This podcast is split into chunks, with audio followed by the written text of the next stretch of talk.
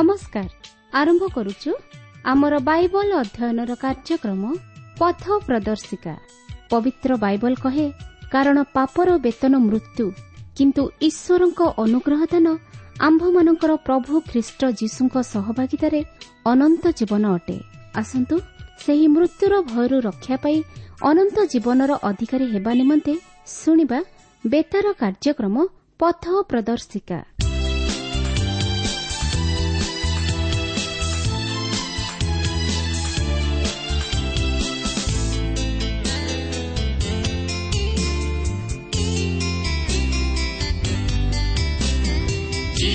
quanto sul piccolo, quanto corona ci nostrai, troppo magno contro un po' sul piccolo, quanto corona ci nostrai.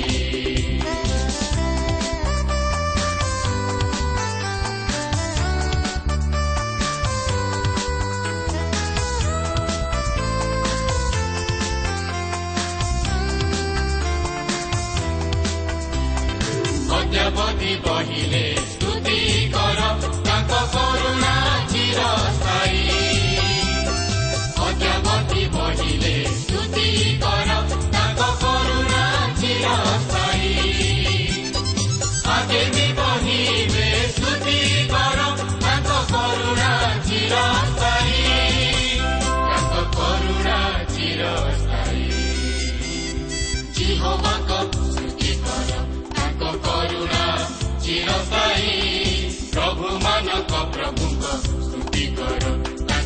ତାଙ୍କ କରୁଣା ଚିରସ୍ଥାୟୀ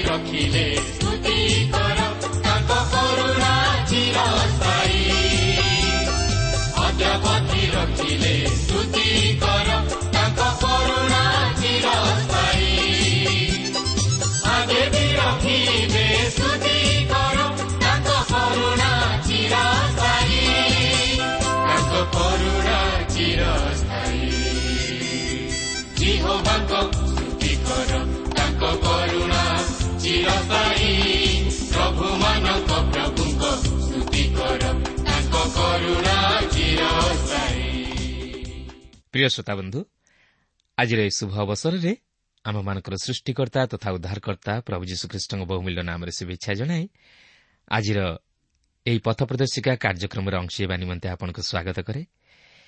ଆପଣଙ୍କର ସହଯୋଗ ତଥା ମତାମତ ନିମନ୍ତେ ବିଶେଷ ଧନ୍ୟବାଦ। ଆପଣ ପ୍ରଭୁ ଯୀଶୁଙ୍କ ବିଷୟରେ ଅଧିକ ଜାଣିବା ନିମନ୍ତେ ଆଗ୍ରହୀ ଥିବାରୁ ଆମେ ମଧ୍ୟ ବିଶେଷ ଖୁସି ଆପଣଙ୍କ ନିମନ୍ତେ ପ୍ରାର୍ଥନା କରୁଅଛୁ। ଆଉ ଯଦି ଆପଣଙ୍କର ପ୍ରାର୍ଥନାର କୌଣସି ବିଷୟ ଥାଏ? କିମ୍ବା ବା ଆପଣଙ୍କର ଜୀବନର ଯଦି କିଛି ସାକ୍ଷ୍ୟ ଥାଏ ତାହେଲେ ତାହା ଲେଖି ଜଣାଇଲେ ଆମେ ଆପଣଙ୍କ ନିମନ୍ତେ ପ୍ରାର୍ଥନା କରିପାରିବୁ।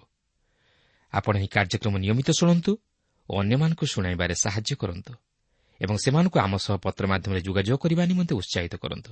ଆସନ୍ତୁ ପ୍ରଭୁଙ୍କର ବାକ୍ୟ ମଧ୍ୟକୁ ଯିବା ପୂର୍ବରୁ ସଂକ୍ଷେପରେ ପ୍ରାର୍ଥନା କରିବା। ପ୍ରିୟ ପବିତ୍ର ପ୍ରଭୁ ତୁମର ପବିତ୍ର ନାମର ଧନ୍ୟବାଦ କରୁଅଛି ସୁନ୍ଦର ସମୟ ପାଇଁ ତୁମର ଜୀବନ୍ତ ବାକ୍ୟ ପାଇଁ ପ୍ରଭୁ ଏହି ସୁଯୋଗରେ ଯେପରି ଆମମାନେ ତୁମର ସ୍ୱର ଶୁଣିବୁ ତୁମର ବାକ୍ୟ ବିଷୟରେ ଯେପରି ମନୋଯୋଗୀ ହେବ ଏହି ପ୍ରକାର ହୃଦୟ ତୁମେ ଆମ ପ୍ରତ୍ୟେକଙ୍କୁ ଦାନ କର। ପ୍ରଭୁ ଆମମାନଙ୍କୁ ଏକ ସରଳ ବିଶ୍ୱାସର ହୃଦୟ ଦିଅ। ଆମମାନଙ୍କ ଜୀବନ ମଧ୍ୟରୁ ସମସ୍ତ ପ୍ରକାର ଅବିଶ୍ୱାସ ସନ୍ଦେହ ତୁମେ ଦୂର କରିଦିଅ। ତୁମର ପବିତ୍ର ଉପସ୍ଥିତି ଆମମାନଙ୍କୁ ଉପଲବ୍ଧି କରିବା ପାଇଁ ଦିଅ। ତୁମର ବାକ୍ୟ ମଧ୍ୟ ଦେଇ ଆମମାନଙ୍କ ସହିତ କଥା କୁହ। ପ୍ରତ୍ୟେକ ଶ୍ରୋତାବନ୍ଧୁମାନଙ୍କୁ ତୁମେ ଆଶୀର୍ବାଦ କର। ପ୍ରତ୍ୟେକ ଜୀବନରେ ତୁମର ଇଚ୍ଛା ଓ ଅଭିମତ ପ୍ରଭୁ ତୁମେ ସଫଳ କର। ଏହି ସମସ୍ତ ପ୍ରାର୍ଥନା ଆମମାନଙ୍କୁ ଉଦ୍ଧାରକର୍ତ୍ତା ଜୀବିତ ପୁନରୁଦ୍ଧିତ ପ୍ରିୟ ପ୍ରଭୁ ଯୀଶୁଙ୍କ ନାମରେ ଅଳ୍ପ ଭିକ୍ଷା ମାଗୁଅଛୁ।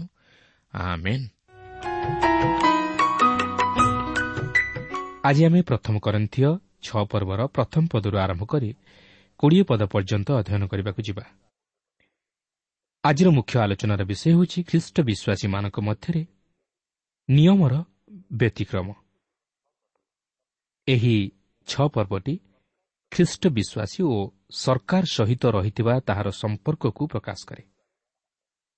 ଖ୍ରୀଷ୍ଟ ବିଶ୍ୱାସୀ ଜାଣେ ଯେ ତାହାର ଦ୍ୱୈତ ନାଗରିକ ପଦ ରହିଅଛି ସ୍ୱର୍ଗରେ ଓ ଏହି ପୃଥିବୀରେ। ଫିଲିପି ତିନି ପର୍ବର କୋଡ଼ିଏ ପଦରେ ଲେଖା ଅଛି ଆମ୍ଭେମାନେ ତ ସ୍ୱର୍ଗର ପ୍ରଜା ସେ ସ୍ଥାନରୁ ମଧ୍ୟ ଆମ୍ଭେମାନେ ତ୍ରାଣକର୍ତ୍ତା ପ୍ରଭୁ ଯୀଶୁଖ୍ରୀଷ୍ଟଙ୍କ ଆଗମନର ଅପେକ୍ଷାରେ ଅଛୁ। କିନ୍ତୁ ତାହାର ଏହି ସ୍ୱର୍ଗୀୟ ନାଗରିକତ୍ୱ ଏହି ଜଗତରେ ସରକାର ପ୍ରତି ରହିଥିବା ତାହାର ଉତ୍ତର ଦାୟିତ୍ୱରୁ ତାହାକୁ ମୁକ୍ତ କରିପାରେ ନାହିଁ। ଜଣେ ଖ୍ରୀଷ୍ଟ ବିଶ୍ୱାସୀର ଉଭୟଙ୍କ ପ୍ରତି ଉତ୍ତର ଦାୟିତ୍ୱ ରହିଅଛି। ସରକାରଙ୍କ ପ୍ରତି ରହିଅଛି ଓ ପ୍ରଭୁଙ୍କ ପ୍ରତି ରହିଅଛି। ପ୍ରଭୁ ଯୀଶୁଙ୍କୁ ଯେତେବେଳେ ସେହି ହେରୋଦିଓମାନେ ପ୍ରଶ୍ନ କଲେ କାଇଶ୍ୱରଙ୍କୁ କର ଦେବା ବିଧି ସଙ୍ଗତ କି ନା?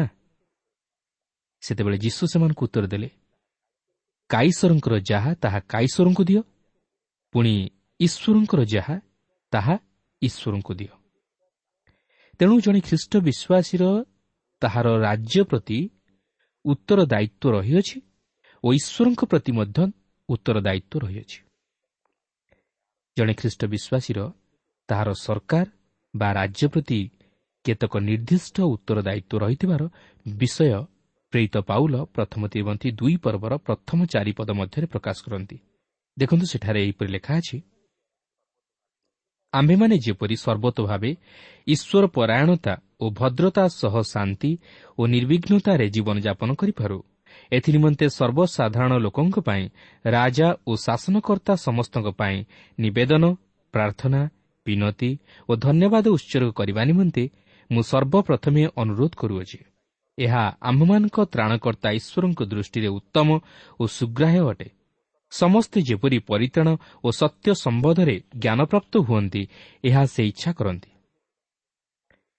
ରାଜ୍ୟ ପ୍ରତି ଆମମାନଙ୍କର ଆନୁଗତ୍ୟ ସ୍ୱୀକାର କରିବାର କାରଣ ହେଉଛି ରାଜ୍ୟରେ ଶାନ୍ତି ଓ ଆଇନ ବଶବର୍ତ୍ତୀତାର ଏକ ସମାଜ ପ୍ରତିଷ୍ଠିତ କରାଇବା ଲାଗି ଯେପରି ସେମାନେ ନିଜର ଶାସନକର୍ତ୍ତାମାନଙ୍କର ବଶବର୍ତ୍ତୀ ହୁଅନ୍ତି।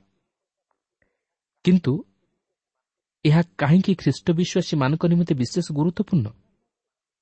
ଯେପରି ସେମାନେ ସୁଷମାଚାର ସମ୍ବାଦ ଅନ୍ୟମାନଙ୍କ ନିକଟରେ ପହଞ୍ଚାଇ ପାରନ୍ତି ଓ ସୁଷମାଚାର ଯେପରି ନିନ୍ଦିତ ନ ହୁଏ। ପାଉଲ ଏହି ବିଷୟ ରୋମିଓ ତେର ପର୍ବର ପ୍ରଥମ ଚାରିପଦ ମଧ୍ୟରେ ମଧ୍ୟ ଆଲୋଚନା କରିଅଛନ୍ତି। ସେଠାରେ ଲେଖା ଅଛି ପ୍ରତ୍ୟେକ ଜଣ ଅଧିକାର ପ୍ରାପ୍ତ ଶାସନକର୍ତ୍ତାଙ୍କ ବଶୀଭୂତ ହେଉ କାରଣ ଅଧିକାର କେବଳ ଈଶ୍ୱରଙ୍କଠାରୁ ଆସେ। ଆଉ ଯେ ସମସ୍ତ ଅଧିକାର ପ୍ରାପ୍ତ ଶାସନକର୍ତ୍ତା ଅଛନ୍ତି ସେମାନେ ଈଶ୍ୱରଙ୍କ ଦ୍ୱାରା ନିଯୁକ୍ତ। ଅତଏବ ଯେ ଅଧିକାର ପ୍ରତିରୋଧ କରେ ସେ ଈଶ୍ୱରଙ୍କ ବିଧାନର ପ୍ରତିରୋଧ କରେ। ପୁଣି ଯେଉଁମାନେ ପ୍ରତିରୋଧ କରନ୍ତି ସେମାନେ ଆପଣା ଆପଣା ଉପରେ ଦଣ୍ଡ ଘଟାଇବେ। କାରଣ ଶାସନକର୍ତ୍ତାମାନେ ସଦାଚାରୀ ପ୍ରତି ଭୟଜନକ ନୁହନ୍ତି କିନ୍ତୁ ଅସଦାଚାରୀ ପ୍ରତି ଭୟଜନକ। ତୁମେ କି ଅଧିକାରପ୍ରାପ୍ତ ଶାସନକର୍ତ୍ତାଙ୍କ ନିକଟରେ ନିର୍ଭୟ ହେବାକୁ ଇଚ୍ଛା କର? ତେବେ ସଦାଚାର କର। ତାହାହେଲେ ତାହାଙ୍କଠାରୁ ପ୍ରଶଂସା ପାଇବ। କାରଣ ସେ ମଙ୍ଗଳ ନିମନ୍ତେ ତୁମ୍ଭ ପାଇଁ ଈଶ୍ୱରଙ୍କ ସେବକ। କିନ୍ତୁ ଯଦି ଅସଦାଚାର କର ତାହେଲେ ଭୀତ ହୁଅ। ଯେଣୁ ସେ ନିରର୍ଥକ ଖଡ଼ଗ ଧାରଣ କରନ୍ତି ନାହିଁ କାରଣ ସେ ଈଶ୍ୱରଙ୍କ ସେବକ ସ୍ୱରୂପେ ଅସଦାଚାରୀ ପ୍ରତି କ୍ରୋଧ ପ୍ରକାଶ କରିବା ନିମନ୍ତେ ଦଣ୍ଡଦାତା ଅଟନ୍ତି। ଏହି ବିଷୟ ଲେଖାଯାଇଥିଲା ଯେତେବେଳେ କି ରୋମିଓ ସରକାର ସ୍ୱେଚ୍ଛାଚାରିତାରେ ଶାସନ କରୁଥିଲେ। ସେହି ଯୁଗର ରୋମିଓ ସମ୍ରାଟ ଏକଛତ୍ରବାଦୀ ଶାସକ ଥିଲେ ଓ ସେମାନଙ୍କ ମଧ୍ୟରୁ ଅନେକ ମଣ୍ଡଳୀର ତାଡ଼ନାକାରୀ ଥିଲେ। ଯଦି କେହି ରୋମିଓ ସରକାରଙ୍କର ବିରୋଧ କରିବା ପାଇଁ ଚେଷ୍ଟା କରେ ସେ ପ୍ରକୃତିରେ ସମସ୍ୟାର ସମ୍ମୁଖୀନ ହେଉଥିଲା। କାରଣ ଏପରି କୌଣସି ସ୍ଥାନ ନଥିଲା ଯେଉଁଠାକୁ ଜଣେ ପଳାଇ ଯାଇପାରିବ ଓ ରୋମିଓ ସରକାର ତାହାକୁ ଖୋଜି ପାରିବ ନାହିଁ କି ତାହାକୁ ବନ୍ଦୀ କରିପାରିବ ନାହିଁ। ଏପରିକି ସେହି ସରକାରର ରାଜତ୍ୱ ସମୟରେ ମଧ୍ୟ ଈଶ୍ୱରଙ୍କ ବାକ୍ୟ ପ୍ରଚାର ନିମନ୍ତେ ସ୍ୱାଧୀନତା ଦିଆଯାଇଥିଲା। ଆଉ ତାହା ହିଁ ପ୍ରତ୍ୟେକ ଖ୍ରୀଷ୍ଟ ବିଶ୍ୱାସୀ ମନ ମଧ୍ୟରେ ରଖିବା ଉଚିତ। ଆଉ ଯଦି ଆମେ ଆଦି ପୁସ୍ତକକୁ ଫେରିଯିବା ତାହେଲେ ସେଠାରେ ଦେଖିବାକୁ ପାରିବା ଯେ ଈଶ୍ୱର ନିଜେ ରାଜ୍ୟ ପ୍ରତି ଏହିପରି ନିୟମ ପ୍ରଦାନ କରିଥିଲେ ଆଉ ମୁଁ ଯେତେ ଦୂର ଜାଣେ ତହିଁରେ ପରିବର୍ତ୍ତନ ଘଟିନାହିଁ ଈଶ୍ୱର ଏହି ନିୟମ ପ୍ରଦାନ କଲେ ଯଥା ଯେ କେହି ମନୁଷ୍ୟର ରକ୍ତପାତ କରିବ ମନୁଷ୍ୟ ଦ୍ୱାରା ତାହାର ରକ୍ତପାତ କରାଯିବ। ଯେହେତୁ ପରମେଶ୍ୱର ଆପଣା ପ୍ରତିମୂର୍ତ୍ତିରେ ମନୁଷ୍ୟକୁ ନିର୍ମାଣ କରିଅଛନ୍ତି। ତେଣୁ ମନୁଷ୍ୟ ଜାତିକୁ ସୁରକ୍ଷା ଓ ସମ୍ମାନ ଦେବା ନିମନ୍ତେ ମୃତ୍ୟୁଦଣ୍ଡ ନିତାନ୍ତ ଆବଶ୍ୟକ। କିନ୍ତୁ ମଣ୍ଡଳୀ ମଣ୍ଡଳୀ ସ୍ଥାନରେ ଓ ରାଜ୍ୟ ରାଜ୍ୟ ସ୍ଥାନରେ ରହିବା ଉଚିତ।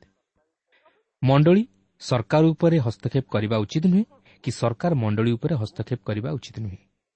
ମାତ୍ର ଉଭୟ ନିୟମରେ ପରସ୍ପର ସହିତ ସମନ୍ୱୟ ରକ୍ଷା କରିବା ଉଚିତ। ସରକାର ମଣ୍ଡଳୀ ପ୍ରତି ଯାହା କରିବା କର୍ତ୍ତବ୍ୟ ତାହା କରିବା ଉଚିତ ଓ ମଣ୍ଡଳୀ ସରକାର ପ୍ରତି ଯାହା କରିବା କର୍ତ୍ତବ୍ୟ ତାହା କରିବା ଉଚିତ। ତେଣୁ ଆସନ୍ତୁ ଏହି ପ୍ରକାର ଦୃଷ୍ଟିକୋଣରୁ ନେଇ ଏହି ଛଅ ପର୍ବଟିକୁ ଅଧ୍ୟୟନ କରିବାକୁ ଯିବା। ଆମେ ତଥାପି ଏହି ପତ୍ରରେ ସେହି ବିଭାଗ ମଧ୍ୟରେ ଅଛୁ ଯାହାକି କରିନ୍ଥୀୟ ମଣ୍ଡଳୀର କାଳିମାମୟ ବିଷୟକୁ ପ୍ରକାଶ କରେ।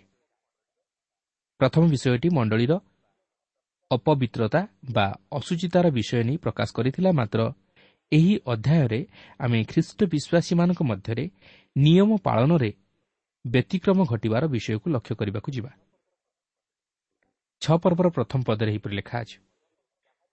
ତୁମମାନଙ୍କ ମଧ୍ୟରୁ କାହାରି ଅନ୍ୟ ଜଣଙ୍କ ବିରୁଦ୍ଧରେ କଥା ଥିଲେ ସେ କି ବିଚାର ନିମନ୍ତେ ସାଧୁମାନଙ୍କ ନିକଟକୁ ନ ଯାଇ ଅଧାର୍ମିକମାନଙ୍କ ନିକଟକୁ ଯିବା ପାଇଁ ସାହସ କରେ? ପାଉଲ ଏଠାରେ କହନ୍ତି ନାହିଁ ଯେ ଖ୍ରୀଷ୍ଟ ବିଶ୍ୱାସୀମାନେ ସରକାରର ନିୟମ କାନୁନର ଆଶ୍ରୟ ନେବା ଉଚିତ ନୁହେଁ ବୋଲି। ଯଦି ଖ୍ରୀଷ୍ଟ ବିଶ୍ୱାସୀମାନେ ନିୟମ କାନୁନର ସଦୁପଯୋଗ ନ କରନ୍ତି ତାହେଲେ ସେମାନେ ଅଧାର୍ମିକମାନଙ୍କ ହସ୍ତରେ ପଡ଼ିବା ଦ୍ୱାରା ନିଜର କ୍ଷତି ଘଟାଇବେ। ମାତ୍ର ସେଠାରେ କହିବାକୁ ଚାହାନ୍ତି ଖ୍ରୀଷ୍ଟ ବିଶ୍ୱାସୀମାନେ ପରସ୍ପର ମଧ୍ୟରେ ଘଟିଥିବା ବିବାଦକୁ ନେଇ ସରକାରୀ ଆଇନ ବଳରେ ତହିଁର ସମାଧାନ କରିବା ଉଚିତ ନୁହେଁ।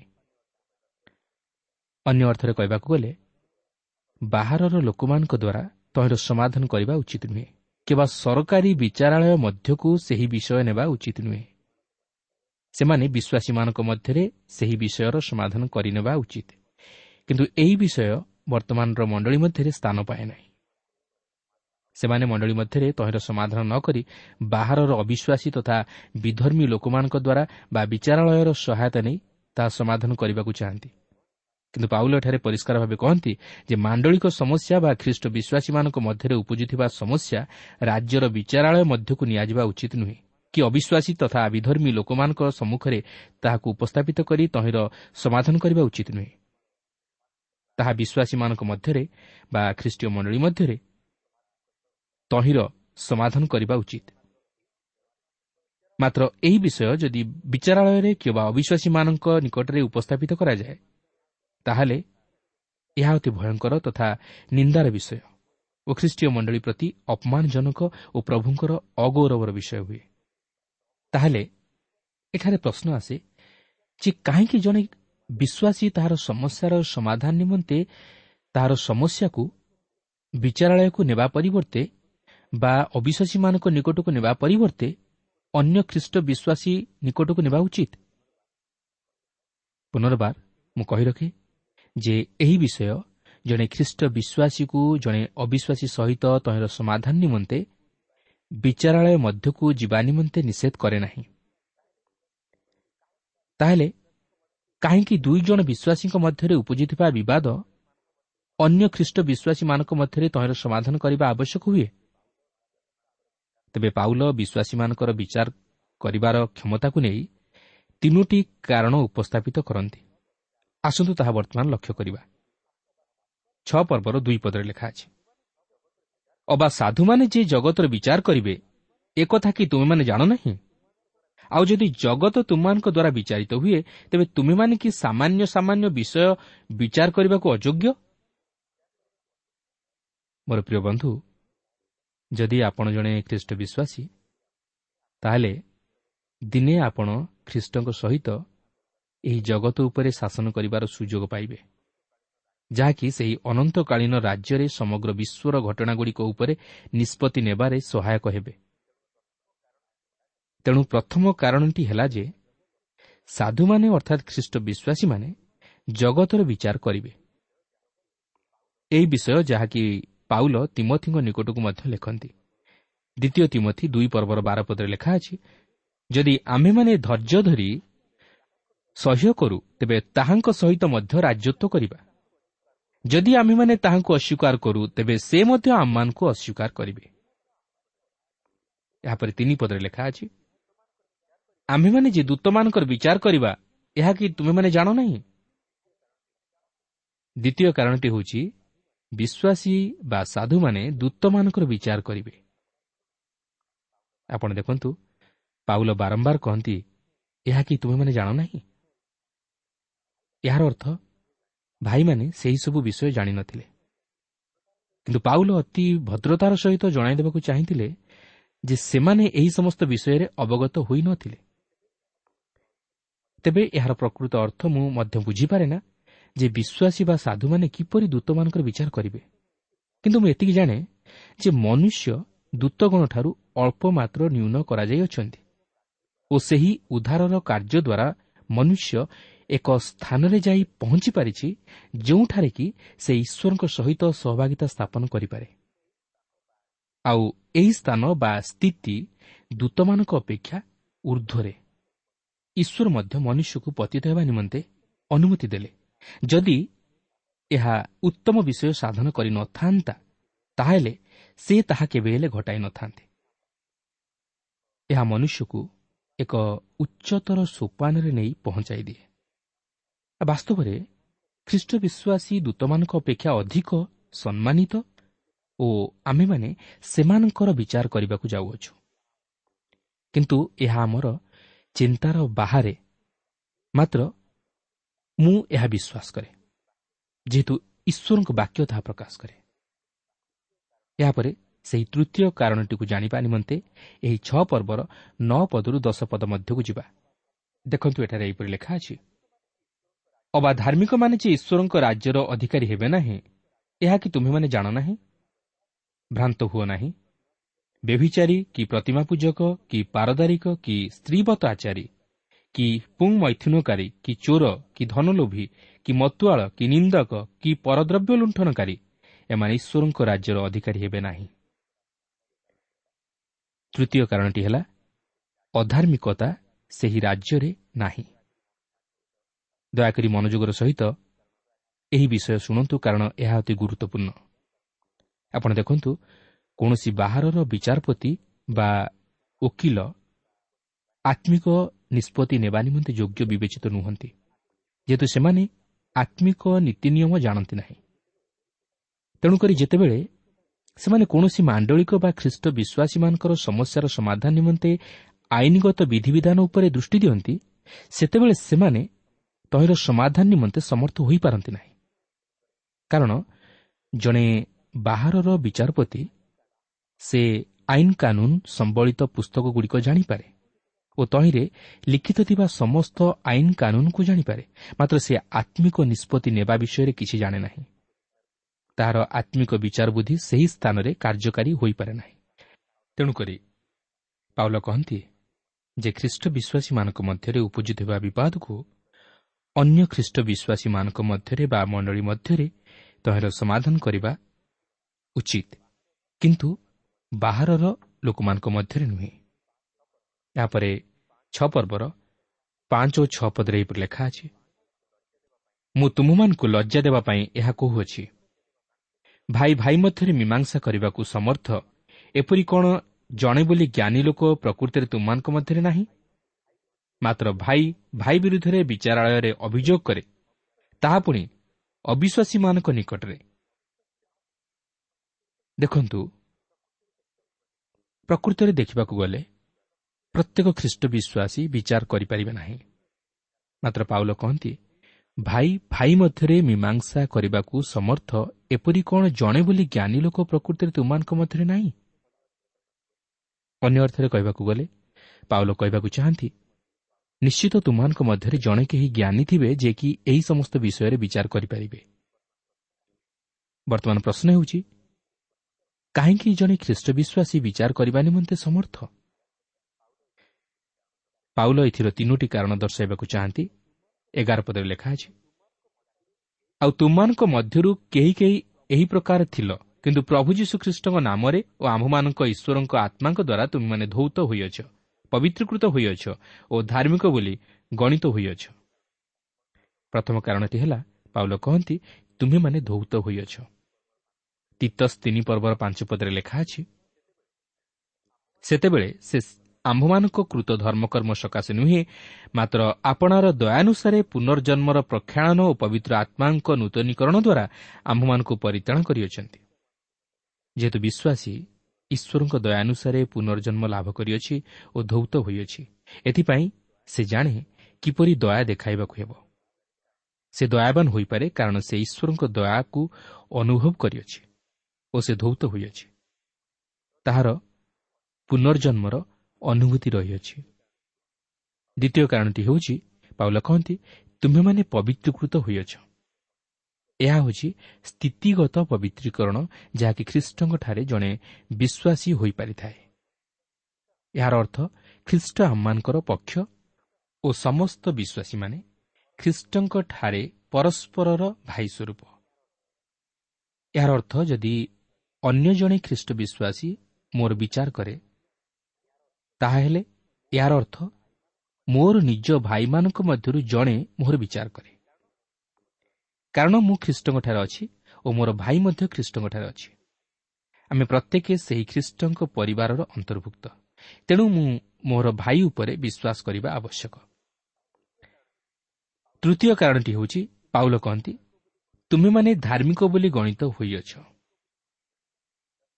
ଜଣେ ଖ୍ରୀଷ୍ଟ ବିଶ୍ୱାସୀ ବିଚାର କରିବାକୁ ସମର୍ଥ ଯେହେତୁ ତାହାର ସମସ୍ତ ପାପ କ୍ଷମା ହୋଇଅଛି।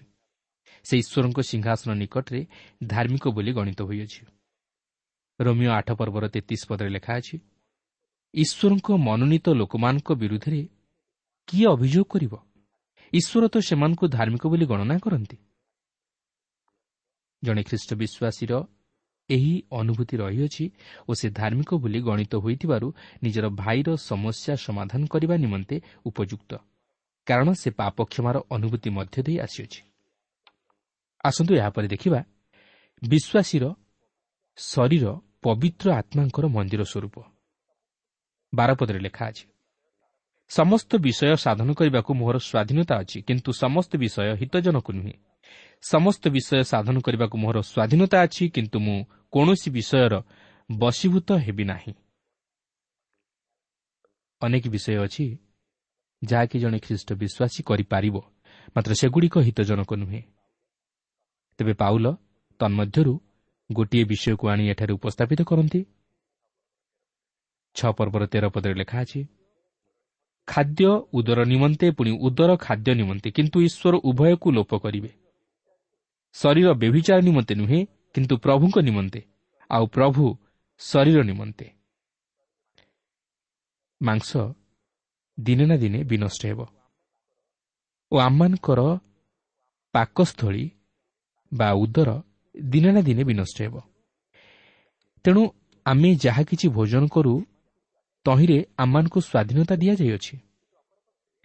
କିନ୍ତୁ ଅପରପକ୍ଷରେ ଆମମାନଙ୍କର ଶରୀର ବ୍ୟଭିଚାର ନିମନ୍ତେ ବ୍ୟବହୃତ ହେବା ଉଚିତ ନୁହେଁ।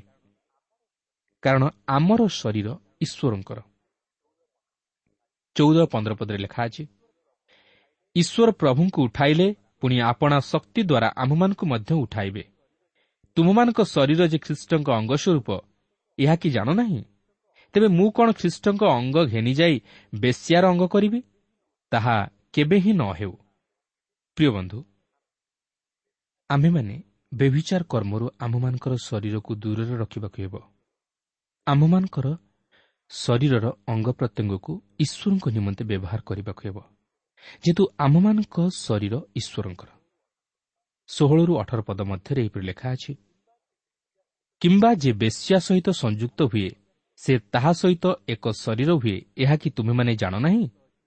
କାରଣ ଉକ୍ତ ଅଛି ସେ ଦୁହେଁ ଏକାଙ୍ଗ ହେବେ। କିନ୍ତୁ ଯେ ପ୍ରଭୁଙ୍କ ସହିତ ସଂଯୁକ୍ତ ହୁଏ ସେ ତାହାଙ୍କ ସହିତ ଏକ ଆତ୍ମା ହୁଏ। ବ୍ୟଭିଚାରଠାରୁ ପଳାୟନ କର। ମନୁଷ୍ୟ ଅନ୍ୟ ଯେକୌଣସି ପାପ କରେ ତାହା ଶରୀରର ବହିର୍ଭୂତ। କିନ୍ତୁ ଯେ ବ୍ୟଭିଚାର କରେ ସେ ଆପଣା ନିଜ ଶରୀର ବିରୁଦ୍ଧରେ ପାପ କରେ। ଏଥିରୁ ଆପଣ ଅନୁମାନ କରିପାରୁଥିବେ ଯେ ବ୍ୟଭିଚାର କି ଭୟଙ୍କର ପାପ। ଆପଣ ବ୍ୟଭିଚାର କର୍ମରେ ଲିପ୍ତ ରହି କେବେ ହେଲେ ଖ୍ରୀଷ୍ଟଙ୍କ ସେବା କରିପାରିବେ ନାହିଁ। ତାହା ଖ୍ରୀଷ୍ଟଙ୍କ ନିକଟରେ ବା ପିତା ଈଶ୍ୱରଙ୍କ ନିକଟରେ ଗ୍ରହଣଯୋଗ୍ୟ ନୁହେଁ।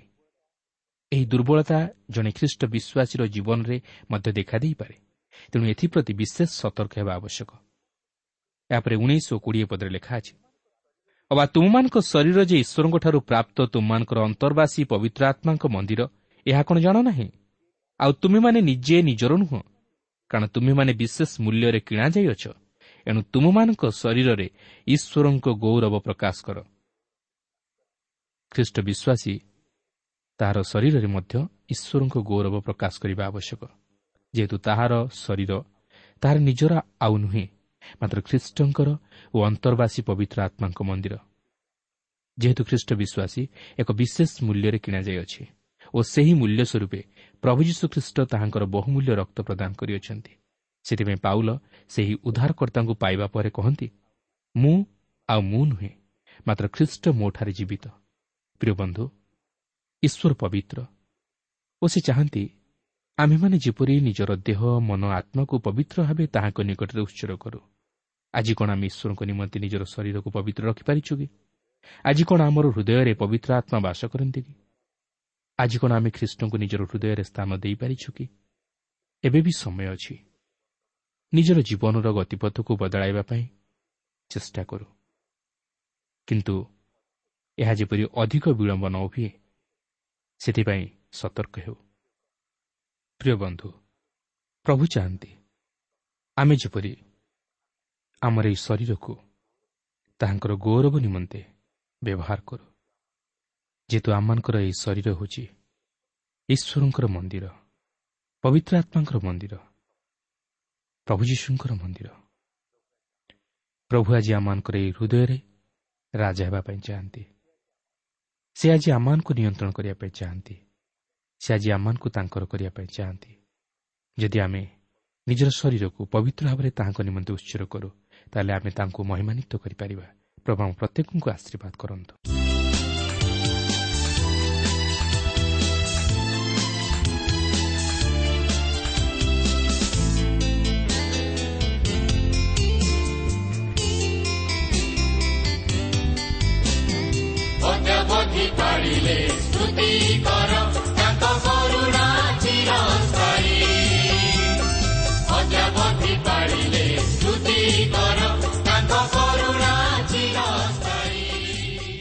ଶ୍ରୋତା ଆପଣ ଈଶ୍ୱରଙ୍କ ବାକ୍ୟ ଶୁଣିବା ନିମନ୍ତେ ସମୟ ଦେଇଥିବାରୁ ଆମେ ଧନ୍ୟବାଦୀ। ଆପଣ ଯଦି ପ୍ରଭୁ ଯୀଶୁଙ୍କର ବାକ୍ୟ ବିଷୟରେ ଓ ତାହାଙ୍କର ପ୍ରେମ ବିଷୟରେ ଅଧିକ ଜାଣିବାକୁ ଚାହାନ୍ତି ଯାହାକି ଆପଣଙ୍କୁ ପାପରୁ ଉଦ୍ଧାର ପାଇବା ନିମନ୍ତେ ପଥ ଦେଖାଇବ ତାହେଲେ ଆମ ସହିତ ପତ୍ର ମାଧ୍ୟମରେ ଅଥବା ଟେଲିଫୋନ୍ ଯୋଗେ ଯୋଗାଯୋଗ କରନ୍ତୁ। ଆମର ଠିକଣା ପଥ ପ୍ରଦର୍ଶିକା Trans World Radio India post box number ତିନି ତିନି ଭୁବନେଶ୍ୱର સાત પાંચ એક શૂન્ય શૂન્ય એક mobile number nine seven double seven double two one four one five ଠିକଣାଟି ଆଉଥରେ ଶୁଣନ୍ତୁ ପଥ ପ୍ରଦର୍ଶିକା Trans World radio India post box number three three Bhubaneswar seven five one zero zero one mobile number nine seven double seven double two one four one five ଆମର email ଆଡ୍ରେସ୍ଟି ଲେଖି ରଖନ୍ତୁ Odia TTV at radio eight eight two dot com ତେବେ ଆଜି ପାଇଁ ଏଇଠାରେ ରଖୁଛୁ। ପ୍ରଭୁ ଯୀଶୁ ଆପଣଙ୍କୁ ଆଶୀର୍ବାଦ କରନ୍ତୁ। ନମସ୍କାର।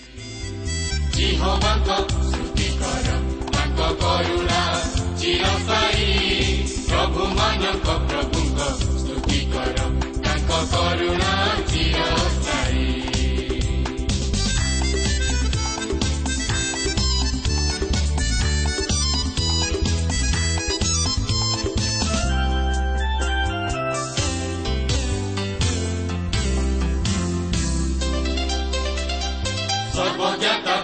ପ୍ରଭୁ